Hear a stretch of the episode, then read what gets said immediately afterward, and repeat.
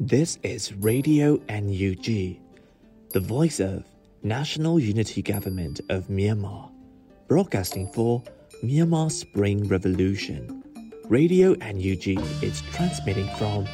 shortwave 16 meter 17.71 MHz at 8 a.m. and 25 meter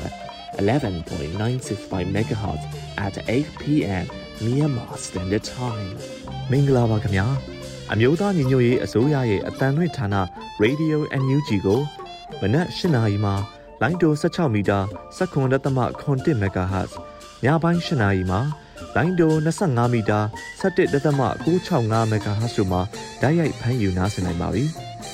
မင်္ဂလာအပေါင်းနဲ့ပြည့်စုံကြပါစေအခုချိန်ကစပြီး Radio NUG အစီအစဉ်တွေကိုဓာတ်ရိုက်အတန်လွှင့်ပေးနေပါပြီ။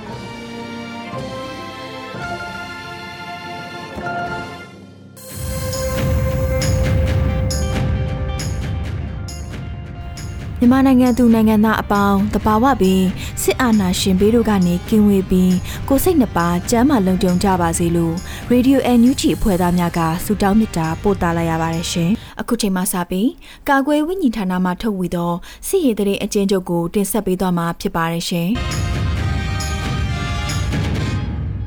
မြို့သားညီညွတ်ရေးအစိုးရကာကွယ်ရေးဝန်ကြီးဌာနမှထုတ်ဝေတဲ့နိုင်စဉ်စစ်ရေးတရင်ချင်းချုပ်ကိုတင်ဆက်ပေးမှာဖြစ်ပါတယ်။ ကျွန်တော်ဟိန်းကိုကိုပါ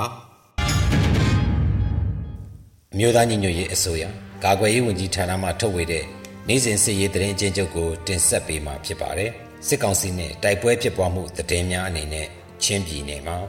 ဒီဇင်ဘာ23ရက်နေ့နေ့လယ်12နာရီခန့်ကမင်းတပ်မြို့နယ်လေစောရွာဘက်သို့စစ်ကြောင်းတိုးထွက်လာတဲ့စစ်ကောင်စီတပ်ကို CDF မင်းတပ်နဲ့ပြည်သူ့ကာကွယ်ရေးအဖွဲ့ရောပူးပေါင်းတပ်တို့မှပျောက်ကြားစနစ်နဲ့တိုက်ခိုက်ရာ စစ်ကောင်စီတပ်သား10ဦးခန့်တေဆုံးခဲ့ပါတယ်။စကိုင်းတိုင်းမှာဒီဇင်ဘာ14ရက်နေ့ညနေ4:50ခန်းကရွှေဘိုမှစကိုင်းသို့ဦးတည်လာတဲ့စစ်ကောင်စီပါဂျယ်ရိုကားတစ်စီးနဲ့စစ်ကောင်စီကားအကြီး2စီးကိုစကိုင်းမြို့နယ်မာလဲတော်လမ်းခွဲအနီးမှာစကိုင်းမြို့နယ်ပြည်သူ့ကာကွယ်ရေးအဖွဲ့ပကဖမှရှုဒမိုင်းနှလုံးနဲ့ဖောက်ခွဲတိုက်ခိုက်ရာစစ်ကောင်စီကားတစ်စီးပျက်စီးခဲ့ပြီးအများအပြားထိခိုက်ဒဏ်ရာရရှိခဲ့ပါတယ်။ ဒီဇင်ဘာ23ရက်နေ့ညနေ6:45မိနစ်ခန့်ကဒဇယ်မြို့နယ်ရွာသားရမပြန်လာတဲ့စစ်ကောင်စီကားတစ်စီးနဲ့စိုင်းကဲ9စီးကိုမှန်ကြိုင်မှန်ရင်မူးပေါင်အနီးမှာဒဇယ်ပြည်သူရဲဘော်အဖွဲ့မှမိုင်းဆွဲတိုက်ခိုက်ခဲ့ရာစစ်ကောင်စီတပ်သား2ဦးသေဆုံးက6ဦးဒဏ်ရာရရှိခဲ့ပါတယ်။ဒီဇင်ဘာ23ရက်နေ့နေ့လယ်12နာရီခန့်ကကဏီမြို့နယ်အင်းလေချောင်းရွာအနီးချင်းတွင်မြစ်လယ်မှာတောင်းတင်နေတဲ့စစ်ကောင်စီရေရင်အုပ်စုကို ကဏီပြည်သူ့ကာကွယ်ရေးတပ်ဖွဲ့ KLG PDF နဲ့ဒေတာတွင်ညီနောင်မဟာမိတ်များမှပူးပေါင်းတိုက်ခိုက်ခဲ့ရာစစ်ကောင်စီတပ်သား10ဦးထက်မနည်းသေဆုံးနိုင်ပါတယ်။မကွေးတိုင်းမှာဒီဇင်ဘာ23ရက်နေ့မနက်8နာရီခန့်ကပခုတ်ကူမြို့နယ်မြစ်ချေမြို့တန်းချီတောင်ရောတို့အသွားလမ်းမှာစစ်ကောင်စီအင်အား30ခန့်ပါတဲ့ကားနှစ်စီးကိုချစ်ကျွန်းချောင် Defense Force MC KCDF မှဆွဲမိုင်းကလုံးနဲ့တိုက်ခိုက်ခဲ့ရာ စစ်ကောင်စီရင်နှစ်စီးပျက်စီးခဲ့ပါတယ်။အကြမ်းဖက်စစ်ကောင်စီတပ်သား9ဦးခန့်သေဆုံးက10ဦးထက်မနည်းထိခိုက်ဒဏ်ရာရရှိခဲ့ပါတယ်။စစ်ကောင်စီကကျူးလွန်ခဲ့တဲ့ရာဇဝတ်မှုတွေကတော့ကချင်ပြည်နယ်မှာဒီဇင်ဘာ14ရက်နေ့မနက်7:00နာရီခန့်ကမိုးကောင်းမြို့နယ်နမ်တီမြို့ရှိပြည်သူ့လွှတ်တော်ကိုယ်စားလှယ်ဦးဝင်းနိုင်ရဲ့နေအိမ်နှလုံးကိုစစ်ကောင်စီမှလာရောက်ချိတ်ပိတ်သွားကြောင်းသိရပါတယ်။ကရင်ပြည်နယ်မှာဒီဇင်ဘာ14ရက်နေ့မနက်8:00နာရီခန့်က ကရင်မျိုးသားအစည်းအရုံး KNU တပ်မဟာ6ထိန်းချုပ်နယ်မြေရှိ၄ကီကောမြို့တင်မှာစစ်ကောင်စီအင်အား200ခန့်စစ်ကြောင်း၄ကြောင်းနဲ့နေအိမ်များကိုဝင်ရောက်ရှာဖွေခဲ့ပြီးညောင်မြမြို့နယ်လွှတ်တော်ကိုယ်စားလှယ်တဦးအပါအဝင်32ဦးကိုလက်ပြန်ကြိုးတုပ်ပြီးဖမ်းဆီးသွားခဲ့ပါတယ်။ရခိုင်ပြည်နယ်မှာဒီဇင်ဘာ14ရက်နေ့မနက်9:00နာရီခန့်ကတောင်ကုန်းမြို့မှာလူငယ်ကွန်ရက်ဥက္ကဋ္ဌတဦးဖြစ်သူကိုမင်းကိုဦးကို စစ်ကောင်စီတပ်များမှ PDF များကို ထောက်ပံ့မှုကြောင့်ဆိုကနေအိမ်မှဖမ်းဆီးသွားခဲ့ပါတယ်။ရခိုင်ပြည်နယ်မှာ PDF နဲ့ဆက်ဆက်တည်ဟုဆိုကဖမ်းဆီးခံရရသူကိုမင်းကိုဦးအပါဝင်၈ဦးထိရှိလာခဲ့ပြီဖြစ်ပါတယ်။ချင်းပြည်နယ်မှာဒီဇင်ဘာ14ရက်နေ့ကကံပတ်လက်မြို့နယ်အုပ်ဖို့ကျေးရွာခရစ်တော်၌အသင်းတော်ဓမ္မအမှုတော်ဆောင်ဆရာတော် MKE ဦးကောင်းတနက်ပြစ်ခံထားရသောဒဏ်ရာနဲ့တည်ဆုံနေတဲ့အလောင်းကိုလမ်းဘေးမှာတွေ့ရှိခဲ့ရပါတယ်။ ဆရာတော်ကိုစစ်ကောင်စီများကဒီဇင်ဘာလ17ရက်နေ့ကဖမ်းဆီးသွားခဲ့ခြင်းဖြစ်ပါတယ်။ရှမ်းပြည်နယ်မှာအောက်တိုဘာ29ရက်နေ့ကလူသားတိုင်းပြုလုပ်ရန်စစ်ကောင်စီများမှဖမ်းဆီးခေါ်ဆောင်သွားခဲ့တဲ့ရှမ်းပြည်တောင်ပိုင်းဖဲခုံမြို့နယ်ရွှေပြည်အေးကျေးရွာဒေသခံ19ဦးကိုဒီဇင်ဘာ23ရက်နေ့ကတောင်ကြီးမြို့အမှတ်1ရဲစခန်းမှာချုပ်နှောင်ထားကြောင်းသိရပါတယ်။ဖမ်းဆီးခံထားရသည့်သူများသည်ကျေးရွာမှထွက်ပြေးတိမ်းရှောင်ရန်ခက်ခဲသူများဖြစ်ပြီးရွာဆောင်အနေနဲ့ ရွာတွင်နေထိုင်ခဲ့သည့်သူများဖြစ်ကြောင်းသိရပါတယ်။မကွေးတိုင်းမှာဒီဇင်ဘာ23ရက်နေ့ညနေပိုင်းကတရဲမြို့နယ်ထုံးတောင်ကျေးရွာမှာနယ်မြေခံရွာသား20ကျော်ကိုစစ်ကောင်စီမှဖမ်းဆီးခဲ့ပါတယ်။ဒီဇင်ဘာ23ရက်နေ့ည7:15မိနစ်ခန့်က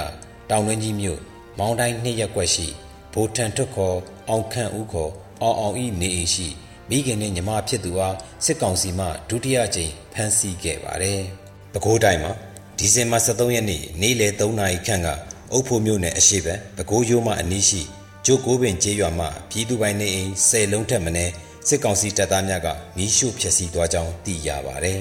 ။တနင်္သာရီတိုင်းမှာဒီဇင်ဘာ14ရက်နေ့ကလောင်းလုံးမြို့နယ်အောက်ရည်ဖြူကျေးရွာအုပ်စုမှာစစ်ကောင်စီတပ်သားများကအေဇင်းဝင်စစ်တီဟုအကြောင်းပြက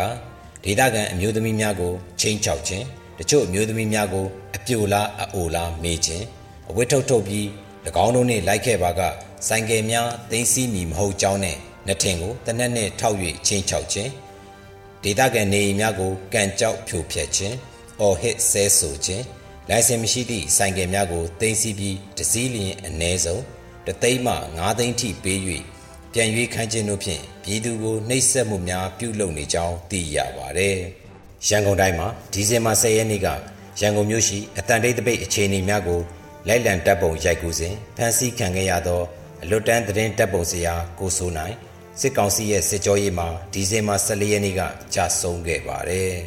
။ဒီဇင်ဘာ10ရက်နေ့ကအင်းစိတ်အကျဉ်းထောင်မှာပြုလုပ်ခဲ့တဲ့စစ်အာဏာရှင်တော်လှန်ရေးအတန်တိတ်တပိတ်မှာပါဝင်ခဲ့တဲ့နိုင်ငံရေးအကျဉ်းသားចောင်းသားများဖြစ်တဲ့ဗမာနိုင်ငံလုံးဆိုင်ရာចောင်းသားများအဖွဲ့ချုပ်ဘကတဘိုးအလုံးမှုဆောင်ကိုစော်ထက်နိုင်ကောကိုစစ်နိုင် ရန်ကင်းပညာရေးကောလိပ်ကျောင်းသားများတက်မကဘာကသများအဖွဲ့ချုပ်ဥက္ကဋ္ဌအောင်ဖြစ်တဲ့ကိုတူတဆိုဘာကသများအဖွဲ့ချုပ်ဒုတိယဥက္ကဋ္ဌကိုဝေယံဖြိုးမှုရန်ကုန်တက္ကသိုလ်ကျောင်းသားများတက်မကကျောင်းသားတုအခွင့်အရေးတာဝန်ခံကိုလေပြေစိုးမိုးတို့အပါအဝင်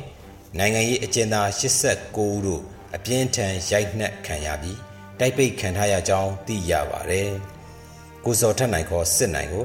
လူအခွင့်အရေးနှင့်လှုပ်ရှားမှုမှာ ပါဝင်ခဲ့တဲ့အတွက်ထောင်တွင်းနှိပ်စက်မှုများပြုလုပ်ခဲ့ပြီးအဆိုပါနှိပ်စက်မှုဒဏ်များကြောင့်တတိလက်မေ့မျောနေပြီးယခုအချိန်ထိစေကူတာမှုတစုံတရာမရှိသေးကြောင်းသိရပါတယ်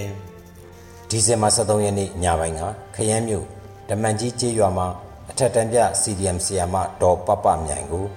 အကြံဖက်စစ်ကောင်စီတပ်ကနေအိမ်မှာလာရောက်ဖမ်းဆီးခေါ်ဆောင်သွားခဲ့ပါတယ်။တစ်ချိန်တည်းမှာပဲသုံးခွမြို့ရှမ်းစုကျေးရွာရှိ CDM ဆီယာမ2ဦးကိုလည်းစစ်ကောင်စီမှဖမ်းဆီးခေါ်ဆောင်သွားခဲ့ကြောင်းသိရပါတယ်။အေယာဝတီတိုင်းမှာဒီဇင်ဘာ14ရက်နေ့မနက်9:00နာရီခန့်ကမြောင်မြမြို့နယ်ငပူတော်လမ်းခွဲမှာစစ်ကောင်စီအင်အား90ခန်းနဲ့ပြူစောတိများပူးပေါင်းကလမ်းသွားလမ်းလာပြည်သူများကိုအကြမ်းဖက်စစ်ဆေးမှုများပြုလုပ်နေပြီးအပြစ်မဲ့ပြည်သူ2ဦးကိုလည်းဖမ်းဆီးထားကတနက်တင်နဲ့ထူရိုက်ခဲ့ပါတယ်။ဒီဇင်ဘာ23ရက်နေ့ညပိုင်းကညောင်နှုံးမြို့ရှိပီတိလူငယ်ပရာဟိတအသင်းရုံးခန်းကို စစ်ကောင်စီများဝင်ရောက်စီးနင်းပြီးလူနာတင်ကားတစ်စီးကိုတင်စီကပရာဟိတလှုပ်ဆောင်နေတဲ့လူငယ်လေးဦးကိုဖမ်းဆီးသွားခဲ့ပြီးအမှတ်လေးရက်ကွက်စက်တလန်းရှိဦးဆန်းဝင်း၏နေအိမ်ကိုလည်းဝင်ရောက်ရှာဖွေမှုများလှုပ်ဆောင်ခဲ့ကဦးဆန်းဝင်းနဲ့အနီးဝန်းကျင်ရှိလူငယ်တဦးကိုဖမ်းဆီးခဲ့ကြောင်းသိရပါတယ်။ဟုတ်ကဲ့ပါအခုသတင်းများကိုမြေပြင်သတင်းတာဝန်ခံများနဲ့သတင်းဌာနများမှဖော်ပြလာတဲ့အချက်လက်များပေါ်အခြေခံပြီးပြုစုထားတာဖြစ်ပါတယ်ခင်ဗျာ။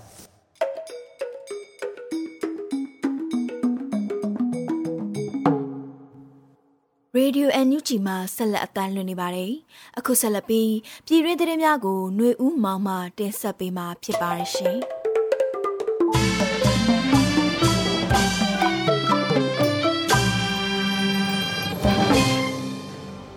မင်္ဂလာပါခင်ဗျာ။အခုချိန်ကစပြီး Radio NUG မနက်ခင်းသတင်းများကိုဖတ်ကြားတင်ပြပေးပါတော့မယ်ခင်ဗျာ။အခုတင်ပြပေးမယ့်သတင်းတွေကတော့ Radio NUG သတင်းတာဝန်ခံတွေနဲ့ခိုင်လုံသောမိဖက်သတင်းရင်းမြစ်တွေမှအခြေခံထားတာဖြစ်ပါတယ်။ကျွန်တော်ကတော့ຫນွေဦးမောင်ပါ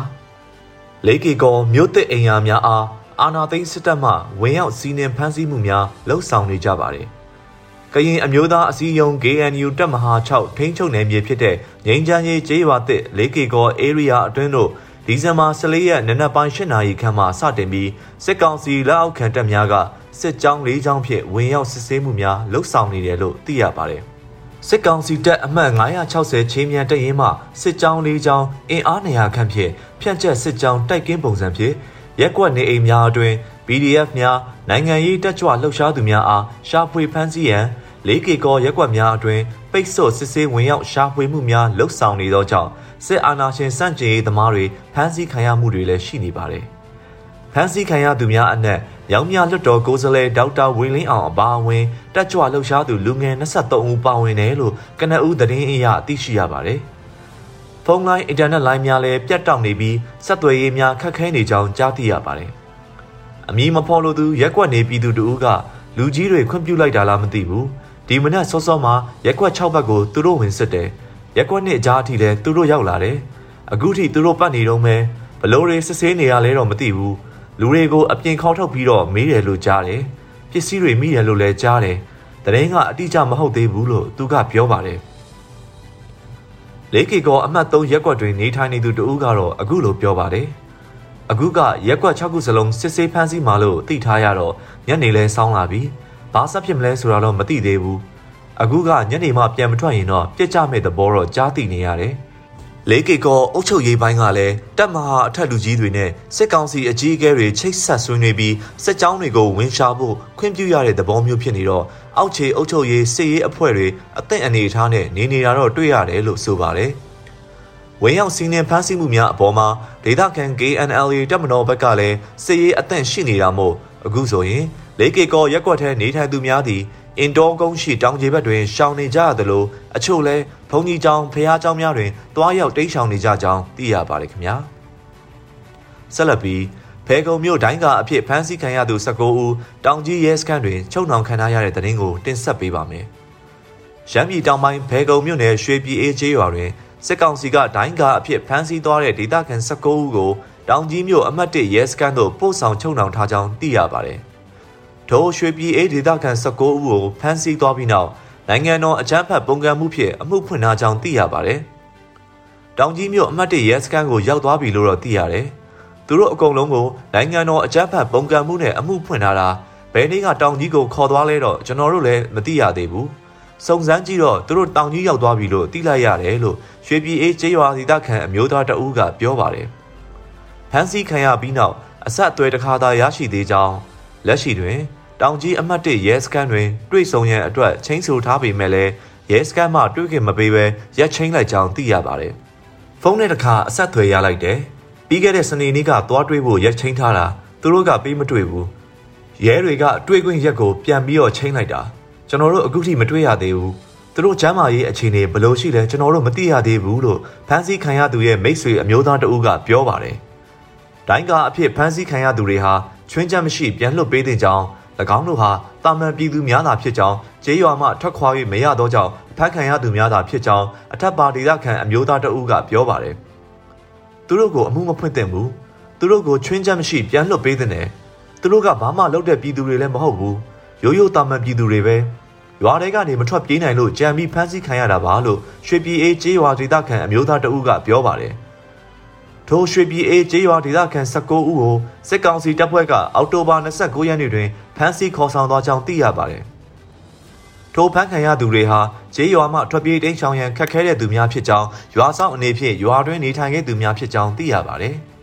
။ဆက်လက်ပြီးစစ်အာဏာရှင်စန့်ကျင်ရေးအတွက်လက်နက်ထုတ်လုပ်ရေးအဖွဲ့ MTD Production ကအဝေးပစ်လက်နက်တွေထုတ်လုပ်လာနိုင်ပြီလို့သိရပါတယ်။ MTD Production အဖွဲ့ဟာမြန်မာပြည်အလဲပိုင်းရှိဒေသခံပြည်သူ့ကာကွယ်ရေးတပ်ဖွဲ့ LPDF များကဖွဲ့စည်းထားတာဖြစ်ပြီးလက်နက်ထုတ်လုပ်ရေးပိုင်းတာဝန်ယူလှုပ်ရှားနေတဲ့အဖွဲ့ဖြစ်ပါတယ်။အခုလိုလက်နက်အချို့ထုတ်လုပ်လာနိုင်မှုအခြေအနေနဲ့ပတ်သက်ပြီး MTD Production မှတာဝန်ရှိသူတို့က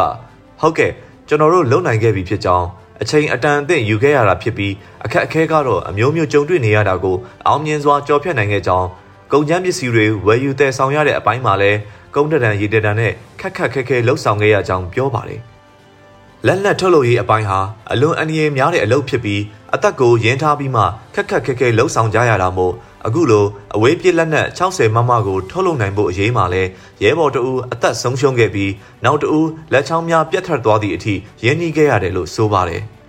အခုလိုအောင်မြင်ခဲ့ပြီဖြစ်တဲ့အဝေးပြစ်60မမထုတ်လုပ်နိုင်ရေးကိုဩဂတ်စ်လအတွင်းကစတင်စသက်ခဲ့ကြပါတယ်။ အော်တိုဘာတွင်နီးပညာမြင့်တင်ပြီးမှအခုလိုပြန်လည်စမ်းသပ်အောင်မြင်ခဲ့တာလည်းဖြစ်ပါတယ်။အခုလိုထုတ်လုပ်နိုင်ခဲ့ပြီးနောက်မှာစစ်ကောင်စီကိုဒေါ်လန်တိုက်ပွဲဝင်နေတဲ့ LPDF များအားနီးပညာအရထောက်ပံ့ပေးလာနိုင်ပြီလို့ဆိုရပါမယ်။ဒါအပြင်ထုတ်လုပ်နိုင်ပြီဖြစ်တဲ့လက်နက်ကိုတိုက်ပွဲများတွင်လက်တွေ့အသုံးချတိုက်ခိုက်လာနိုင်သည်မှာလည်း၄ချိန်ခန့်ရှိပြီလို့ MTT Production မှတာဝန်ရှိသူတို့ကပြောပါတယ်။ လက်နက်ထုတ်လုပ်ရေးကိစ္စရပ်များအားဤပညာမြင့်သက်ထက်မြင့်အောင်စ조사နေလျက်ရှိနေပြီးလက်ရှိအချိန်ထက်အဝေးပြစ်လက်နက်60မမအပြင်မိုင်းအလုံး100ကျော်ကိုလည်းထုတ်လုပ်ပြီးဖြစ်ကြောင်းသိရပါတယ်။အင်အားအစမတန်သားလွန်တဲ့အာနာသိန်းစစ်တပ်ရဲ့ထိုးစစ်တွေကိုပြင်းပြင်းထန်ထန်ခုခံတော်လှန်နေကြသောစကိုင်းတိုင်းတွင်ရှိသည့်ပြည်သူ့ကာကွယ်ရေးတပ်ဖွဲ့များဟာစစ်ကောင်စီလာရလမ်းကြောင်းတွေမှာဆွဲမိုင်းများကိုကောင်းစွာအသုံးပြုနေတာဖြစ်ပြီးစစ်ကောင်စီဘက်မှလည်းတိတ်ဆုံးမှုအရေးအတွက်သတင်းများနိုင်စင်လိုလိုကြားသိရပါတယ်။ ပြီးခဲ့တဲ့ရက်ပိုင်းများမှာတော့ကုန်းလန်းကားလန်းများသာမကပဲရေချောင်းသောစစ်ကောင်စီတပ်တွေကိုတော်လန်ရေးတပ်ဖွဲ့များဘက်ကရေမြုပ်မိုင်းများပါတီထွင်တိုက်ခိုက်နိုင်ခဲ့ကြပါသေးတယ်။ရေမြုပ်မိုင်းများရဲ့ထိရောက်တဲ့တိုက်ခိုက်နိုင်မှုကြောင့်ဒီဇင်ဘာ23ရက်နေ့တွင်စကိုင်းတိုင်းကဏီမြို့နယ်မဲတင်ရွာကျွန်းခုံနီးတွင်စစ်ကောင်စီရေရင်တစည်းကိုနစ်မြုပ်အောင်တိုက်ခိုက်နိုင်ခဲ့သည့်အထိအောင်မြင်မှုရခဲ့တာကိုလည်းသိရှိရပါတယ်ခင်ဗျာယခုတင်ဆက်ပေးခဲ့တာကတော့ဒီဇင်ဘာ14ရက်နေ့ရပြည်တွင်သတင်းများပဲဖြစ်ပါတယ် ယခုတင်ပြပေးခဲ့တဲ့သတင်းတွေကတော့ Radio NUG သတင်းတာဝန်ခံတွေနဲ့ခိုင်လုံသောမိဖက်သတင်းရင်းမြစ်တွေမှာအခြေခံထားတာဖြစ်ပါတယ်။ကျွန်တော်ကတော့ຫນွေဦးမောင်ပါ။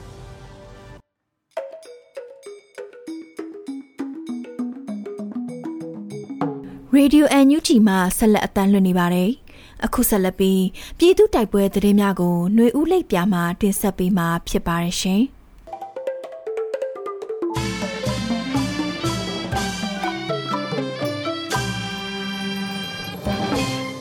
ထမဆုံးအနေနဲ့အင်းလေချောင်းကျေးရွာအနီးချင်းတွင်းမြစ်လေတွင်တောင်တင်နေသောစစ်ကောင်စီရေရင်အုပ်စုကိုဒေသကာကွယ်ရေးအဖွဲ့များမိုင်းခွဲတိုက်ခိုက်လို့၁၀ဦးထပ်မံတေဆုံးနိုင်တဲ့တဲ့တင်တင်ဆက်မှာပါ။ကဏီမြို့နယ်အင်းလေချောင်းကျေးရွာအနီးချင်းတွင်းမြစ်လဲတွင်တောင်တင်နေသောအကြမ်းဖက်စစ်ကောင်စီရေရင်အုပ်စုကိုဒေသကာကွယ်ရေးပူးပေါင်းတပ်ဖွဲ့ကဒီဇင်ဘာလ23ရက်ည7:00နာရီခန့်တွင်လက်နက်ကြီးများမိုင်းများဖြင့်တိုက်ခတ်ခဲ့ပြီးစစ်ကောင်စီတပ်သား10ဦးထပ်မံတေဆုံးနိုင်ကြောင်းကဏီမြို့နယ် ပြည်သူ့ကာကွယ်ရေးတပ်ဖွဲ့ကြောက်လုံးကြီး KLG PDF ကသတင်းထုတ်ပြန်ပါတယ်စစ်ကောင်စီ၏ရေရင်အုပ်စုကိုလက်နက်ကြီးများဖြင့်ပစ်ခတ်တိုက်ခိုက်ခဲ့သလိုငပြောတုံးများဖြင့်ပြုလုပ်ထားသော ဖောင်မော်တွင်မိုင်းများတင်ကမြစ်အတွင်းမျော၍စစ်ကောင်စီရင်ရင်အုပ်စုအနာရောက်တွင် ဖောင်ခွဲတိုက်ခိုက်ခဲ့ခြင်းဖြစ်ကြောင်းသိရှိရပါတယ်။ယခုတိုက်ခိုက်မှုကို KLG, PDF, MPTF, Golden Triangle Force, CHU PDF စသည့်မဟာမိတ်တပ်ဖွဲ့များပူးပေါင်းဆောင်ရွက်ခဲ့ခြင်းဖြစ်ကြောင်း KLG PDF ထံမှသိရှိရပါတယ်။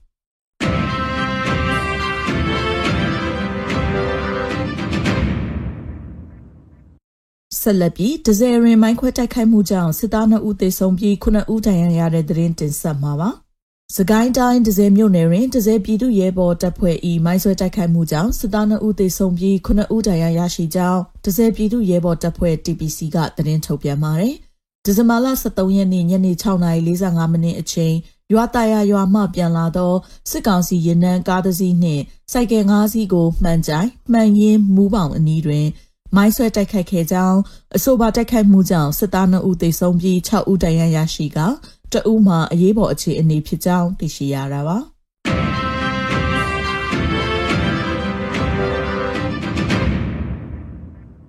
နောက်ဆုံးအနေနဲ့အမျိုးသားညီညွတ်ရေးအစိုးရပြည်ထရေးနဲ့လူဝင်မှုကြီးကြပ်ရေးဝန်ကြီးဌာနကဒီဇင်ဘာလ14ရက်ရည်စွဲနဲ့ထုတ်ပြန်တဲ့ပြည်သူ့ခုခံတော်လှန်စစ်တရင်အချက်လက်တွေကိုတင်ဆက်ပေးသွားမှာပါ။ အာနာသိန်းအကြမ်းဖက်စစ်အုပ်စု၏ပြည်သူလူထုအပေါ်အကြမ်းဖက်ဖိနှိပ်ဖန်ဆီးတိုက်ခိုက်တပ်ဖြတ်နေမှုများကိုပြည်သူလူထုတရက်လုံးကအသက်ရှင်တန်ရေးအတွက်မိမိကိုယ်ကိုမိမိခုခံကာကွယ်ပိုင်ခွင့်အရာပြည်သူ့ခံစစ် People Defensive War ကိုဆင်နွှဲလျက်ရှိပါတယ်။တရင်ချက်လက်များအရာ73ရက်12လ2021ရက်နေ့တွင်စစ်ကောင်စီတပ်ဖွဲ့ဝင်38ဦးသေဆုံးပြီးထိခိုက်ဒဏ်ရာရရှိသူ32ဦးအထိခုခံတိုက်ခိုက်နိုင်ခဲ့ပါတယ်။ စစ်အာဏာရှင်စနစ်မြမမြေပေါ်မှာအပြည့်တိုင်ချုပ်ငြိမ်းရေးနဲ့ Federal Democracy တည်ဆောက်ရေးအတွက်ငြိမ်းချမ်းစွာဆန္ဒပြသည့်လူထုတပိတ်တိုက်ပွဲများကပြည်내နဲ့တိုင်းဒေသကြီးများမှာဖြစ်ပွားပေါ်ပေါက်လျက်ရှိပါတယ်။မြေပြင်မှာယခုတွေ့ရတဲ့သတင်းချက်လက်များထွက်ပို၍ဖြစ်ပွားနိုင်ပါတယ်ရှင်။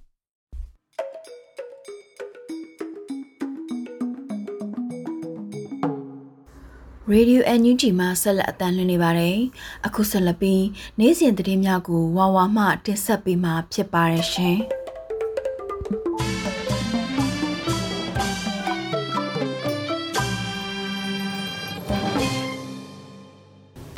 အခုပထမဆုံးအနေနဲ့ကရင်ပြည်အမျိုးသားကာကွယ်ရေးတပ်ဖွဲ့ KNDF နဲ့စစ်ရေးနိုင်ငံရေးချိတ်ဆက်ဆောင်ရွက်နေကြောင်း NUG ကာကွယ်ရေးဝန်ကြီးဌာနကထုတ်ပြန်ခဲ့တဲ့သတင်းကိုတင်ဆက်ပေးချင်ပါတယ်။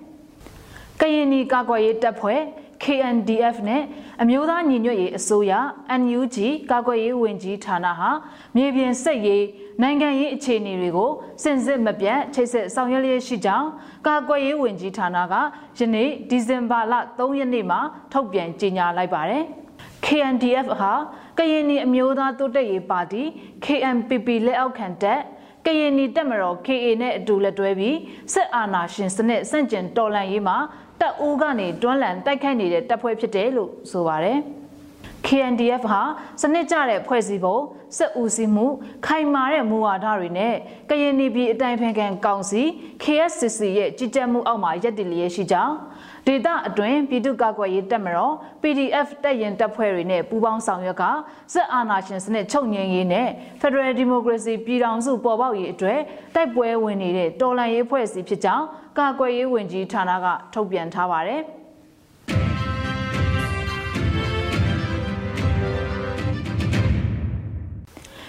KNU နယ်မြေဖြစ်တဲ့လေကိတ်ကော်မြို့တဲ့အတွင်းကိုအကြမ်းဖက်စစ်ကောင်စီတပ်တွေအင်အားအမြောက်အများနဲ့ဝင်ရောက်ရှာဖွေဖမ်းဆီးမှုတွေပြုလုပ်နေတဲ့တဲ့ရင်ကိုတင်ဆက်ပေးချင်ပါတယ်။ကရင်အမျိုးသားစီယုံ KNU တပ်မဟာ6နယ်မြေကရင်ပြည်နယ်မြဝတီမြို့နယ်လေးကိတ်ကောမြို့သက်ဧရိယာတွေကိုအကြမ်းဖက်စစ်ကောင်စီစစ်ကြောင်းကအင်အားအလုံးရင်းနဲ့စီးနှင်းဝင်ရောက်ပြီးရှာဖွေဖမ်းဆီးမှုတွေပြုလုပ်နေတာကြောင့်တိုက်ပွဲဖြစ်ပွားမှုများရှိလာနိုင်ကြောင်းအဆိုပါနယ်မြေတွင်ရောက်ရှိနေသူတဦးကပြောပါတယ်။ ယနေ့ဒီဇင်ဘာလ14ရက်နနက်8နာရီခန့်ကစလို့အင်အား200ခန့်ပါစက်ကောင်စီတပ်ဟာစစ်ကြောင်း၄ခုနဲ့လေးကိတ်ကောမြို့တဲ့ area တွေကိုဝင်ရောက်ပြီးပြည်သူ့ကာကွယ်ရေးတပ်ဖွဲ့ PDF တပ်ဖွဲ့ဝင်တွေနိုင်ငံရေးတကြွလှုပ်ရှားသူတွေကိုရှာဖွေဖမ်းဆီးရန်ဆောင်ရွက်နေကြောင်းလူဦးရေ30ခန့်ဖမ်းဆီးခံထားရကြောင်းဒေသခံတအုပ်ထံကသိရှိရပါတယ် ဖန်ဆီးခံရသူတွေထဲမှာမြောင်မြလွတ်တော်ကိုယ်စားလှယ်ကိုဝေလင်းအောင်လည်းပါတယ်လို့သိရပါတယ်။ဦးသိန်းစိန်အစိုးရလက်ထက်က KNU နဲ့အပြစ်ခတ်ရက်စဲပြီးနောက်နှစ်ဦးသဘောတူညီချက်နဲ့အကောင့်ထဲပေါ်ထားတဲ့လေးကိတ်ကောမြို့တက်ကိုစက်ကောင်စီတပ်တွေကအာဏာသိမ်းပြီးနောက်ပိုင်းဝင်ရောက်ရှာဖွေမှုတွေပြုလုပ်ခဲ့ပေမဲ့အခုတစ်ခေါက်လိုလူအမြောက်အများဖမ်းဆီးခြင်းမျိုးတော့မရှိခဲ့ဘူးလို့သိရပါဗျ။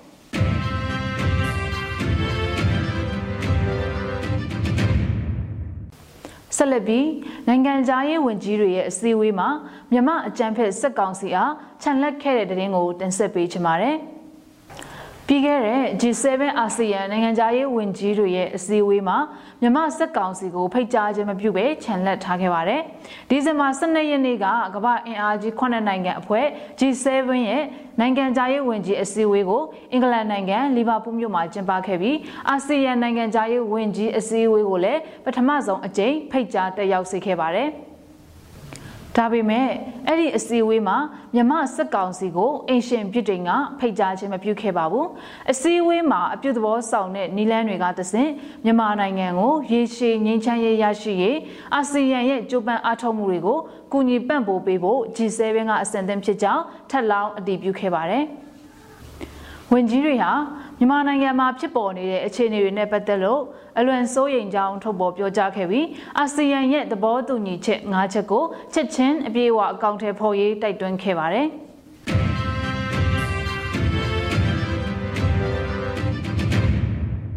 မင်းအောင်လှိုင်ကိုလူခွင့်ရေးတက်ကြွလှုပ်ရှားသူများအဖွဲ့ MAP ကနိုင်ငံတကာရာဇဝတ်ခုံရုံးသို့တိုင်ကြားလိုက်တဲ့တဲ့တင်ကိုဆက်လက်တင်ဆက်ပေးချင်ပါတယ်။ မြမစက်တပ်ခေါင်းဆောင်မင်းအောင်လှိုင်ကိုလူသားမျိုးနွယ်စုအပေါ်ကျူးလွန်တဲ့ရာဇဝတ်မှုတွေနဲ့နိုင်ငံတကာရာဇဝတ်ခုံရုံး ICC ကိုမြမတာဝန်ခံမှုရရှိရေးအဖွဲ့ MAP ကတိုင်ကြားလိုက်တယ်လို့သိရပါဗျလူခွင့်ရေးတကြွလှုပ်ရှားသူများအဖွဲ့ MAP ဟာရောမသဘောတူစာချုပ် Rome Statute ပုံမှန်15အရမြန်မာနိုင်ငံမှာဆန္ဒပြလှုပ်ရှားမှုကိုအကြမ်းဖက်ဖြိုခွင်းခြင်းအစိတ်အပိုင်းအဖြစ်ညှဉ်းပန်းနှိပ်စက်မှုတွေကိုစတင်စုံစမ်းစစ်ဆေးဖို့တောင်းဆိုခဲ့ပါတယ်။ MAP ရဲ့တင်ပြချက်မှာ2020ဖေဖော်ဝါရီလတွင်ဒီမိုကရေစီနေကြရွေးကောက်ခံအစိုးရထံကအာဏာသိမ်းချိန်ကစလို့မြန်မာနိုင်ငံမှာကျေပြန့်မြေစနစ်တကျကျူးလွန်တဲ့ညှဉ်းပန်းနှိပ်စက်မှုတွေကိုလည်းတက်တည်နေတကွဖော်ပြထားတာကိုတွေ့ရပါတယ်။ 2018မှာကုလသမဂ္ဂကဖွဲ့စည်းပေးခဲ့တဲ့မြန်မာနိုင်ငံဆိုင်ရာလွတ်လပ်တော်စုံစမ်းစစ်ဆေးရေးရန်တရား IIMM ရဲ့မကြသေးမီကတွေ့ရှိချက်တွေကလည်းအခုဆက်ဆွဲမှုတွေကိုအထောက်အပံ့ဖြစ်စေခဲ့ပါတယ်။ကုလသမဂ္ဂလူ့ခွင့်ရေးကောင်စီကိုတင်သွင်းတဲ့ IIMM ရဲ့ တတိယနှစ်လည်အစီရင်ခံစာမှာမြန်မာစစ်တပ်ရဲ့လူသတ်မှုနှိပ်စက်ညှဉ်းပန်းမှုထောင်ချမှုလိမ်ပိုင်းဆိုင်ရာအကြမ်းဖက်မှုအသမပျောက်ဆုံးမှုနဲ့နှိပ်စက်ညှဉ်းပန်းမှုအပါအဝင်လူသားမျိုးနွယ်စုအပေါ်ကျူးလွန်တဲ့ရာဇဝတ်မှုတွေပါဝင်ပါတယ်။အစုလိုက်အပြုံလိုက်ရစ်စိတ်ယုံမာတဲ့ဆက်ရာဇဝတ်မှုတွေကျူးလွန်ခဲ့ကြတဲ့လုံခြုံရေးတပ်ဖွဲ့ဝင်တွေရဲ့ကျူးလွန်မှုအတွက်အမိန့်ပေးစိတ်ခိုင်းတဲ့တရားမဝင်အာဏာသိမ်းခေါင်းဆောင်မင်းအောင်လှိုင်မှာ ရာဇဝတ်မှုဆိုင်ရာတာဝန်ရှိကြောင်း MAB Director Chris Gannett ကပြောကြားထားတာကိုတွေ့ရပါတယ်။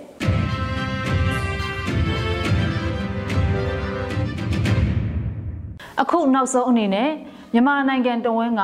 လူမျိုးပေါင်းစုံဘာသာပေါင်းစုံပါဝင်တဲ့စစ်အာဏာရှင်အမြင့်ဖြတ်ချေမှုန်းရေးလူလူဆန္ဒပြပွဲတည်င်းတွေကိုစူးစီးတင်ဆက်ပေးမှာဖြစ်ပါတယ်။ ရန်ကုန်မြို့ကကျောင်းသားသမဂ္ဂဘာကတများအဖွဲ့ချုပ်အခြေခံပညာကျောင်းသားများသမဂ္ဂနဲ့မြို့နယ်ဘောင်းဆောင်တပိတ်ကော်မတီကလူငယ်တွေဥဆောင်ပြီးတင်ငန်းကျွန်းမြို့နယ်တွေးချောင်းစီကိုလာပြည့်အောင်မေးပွဲအထိမ်းအမှတ်နေ့အဖြစ်ကျေးလက်ပုံကံမြို့ပြစုညန်းဆိုတဲ့စာတန်းကင်ဆောင်ပြီးခြိတက်ဆန္ဒပြခဲ့ကြပါတယ်။ နယ်မြို့ဆန္ဒပြပွဲတည်င်းတွေအနေနဲ့စကိုင်းတိုင်းရမပင်မြို့ကတော်လန်ပြည်သူတွေဟာစစ်အာဏာရှင်ကိုစန့်ကျင်တော်လန်တဲ့အနေနဲ့ဒီကနေ့မနေ့ပိုင်းကအာယုံဦးတပိတ်အဖြစ်ခြိတက်လမ်းလျှောက်ခဲ့ကြပါတယ်။စကိုင်းတိုင်းရွှေဘိုမြို့နယ်ကျေးရွာတရွာကနေ့စဉ်ခြိတက်မပြတ်တဲ့တော်လန်ပြည်သူတွေဟာစစ်အာဏာရှင်အမြင့်ပြတ်ခြေမုံရေးကျေးရွာတွင်လှည့်လည်ဆန္ဒပြခဲ့ကြပါတယ်။စကိုင်းတိုင်းရမပင်အရှိချမ်းနဲ့စလင်းကြီးမြောက်ချမ်းရွာပေါင်းစုံတပိတ်စစ်ကြောင်းက တော်လန်ပြည်သူတွေဟာ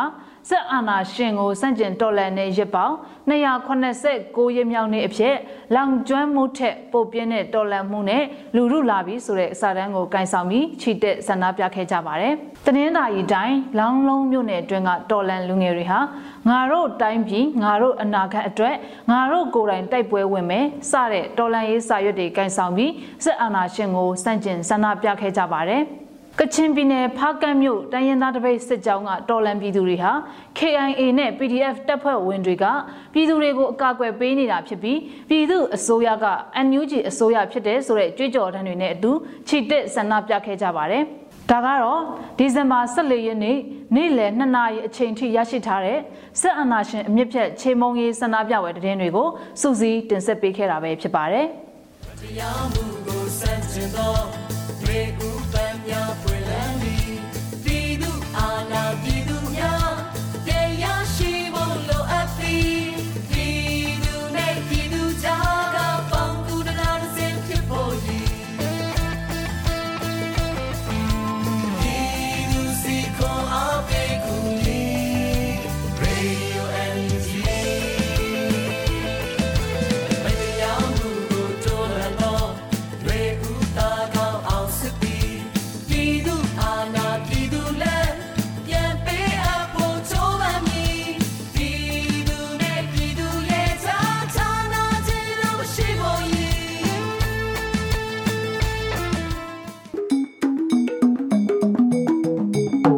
ကနေ့ကတော့ဒီညနဲ့ပဲ Radio NUG ရဲ့အစီအစဉ်တွေကိုခਿੱတရနာလိုက်ပါမယ်မြန်မာစံတော်ချိန်မနက်၈နာရီနဲ့ညနေ၈နာရီအချိန်တွေမှာပြန်လည်ဆုံတွေ့ကြပါစို့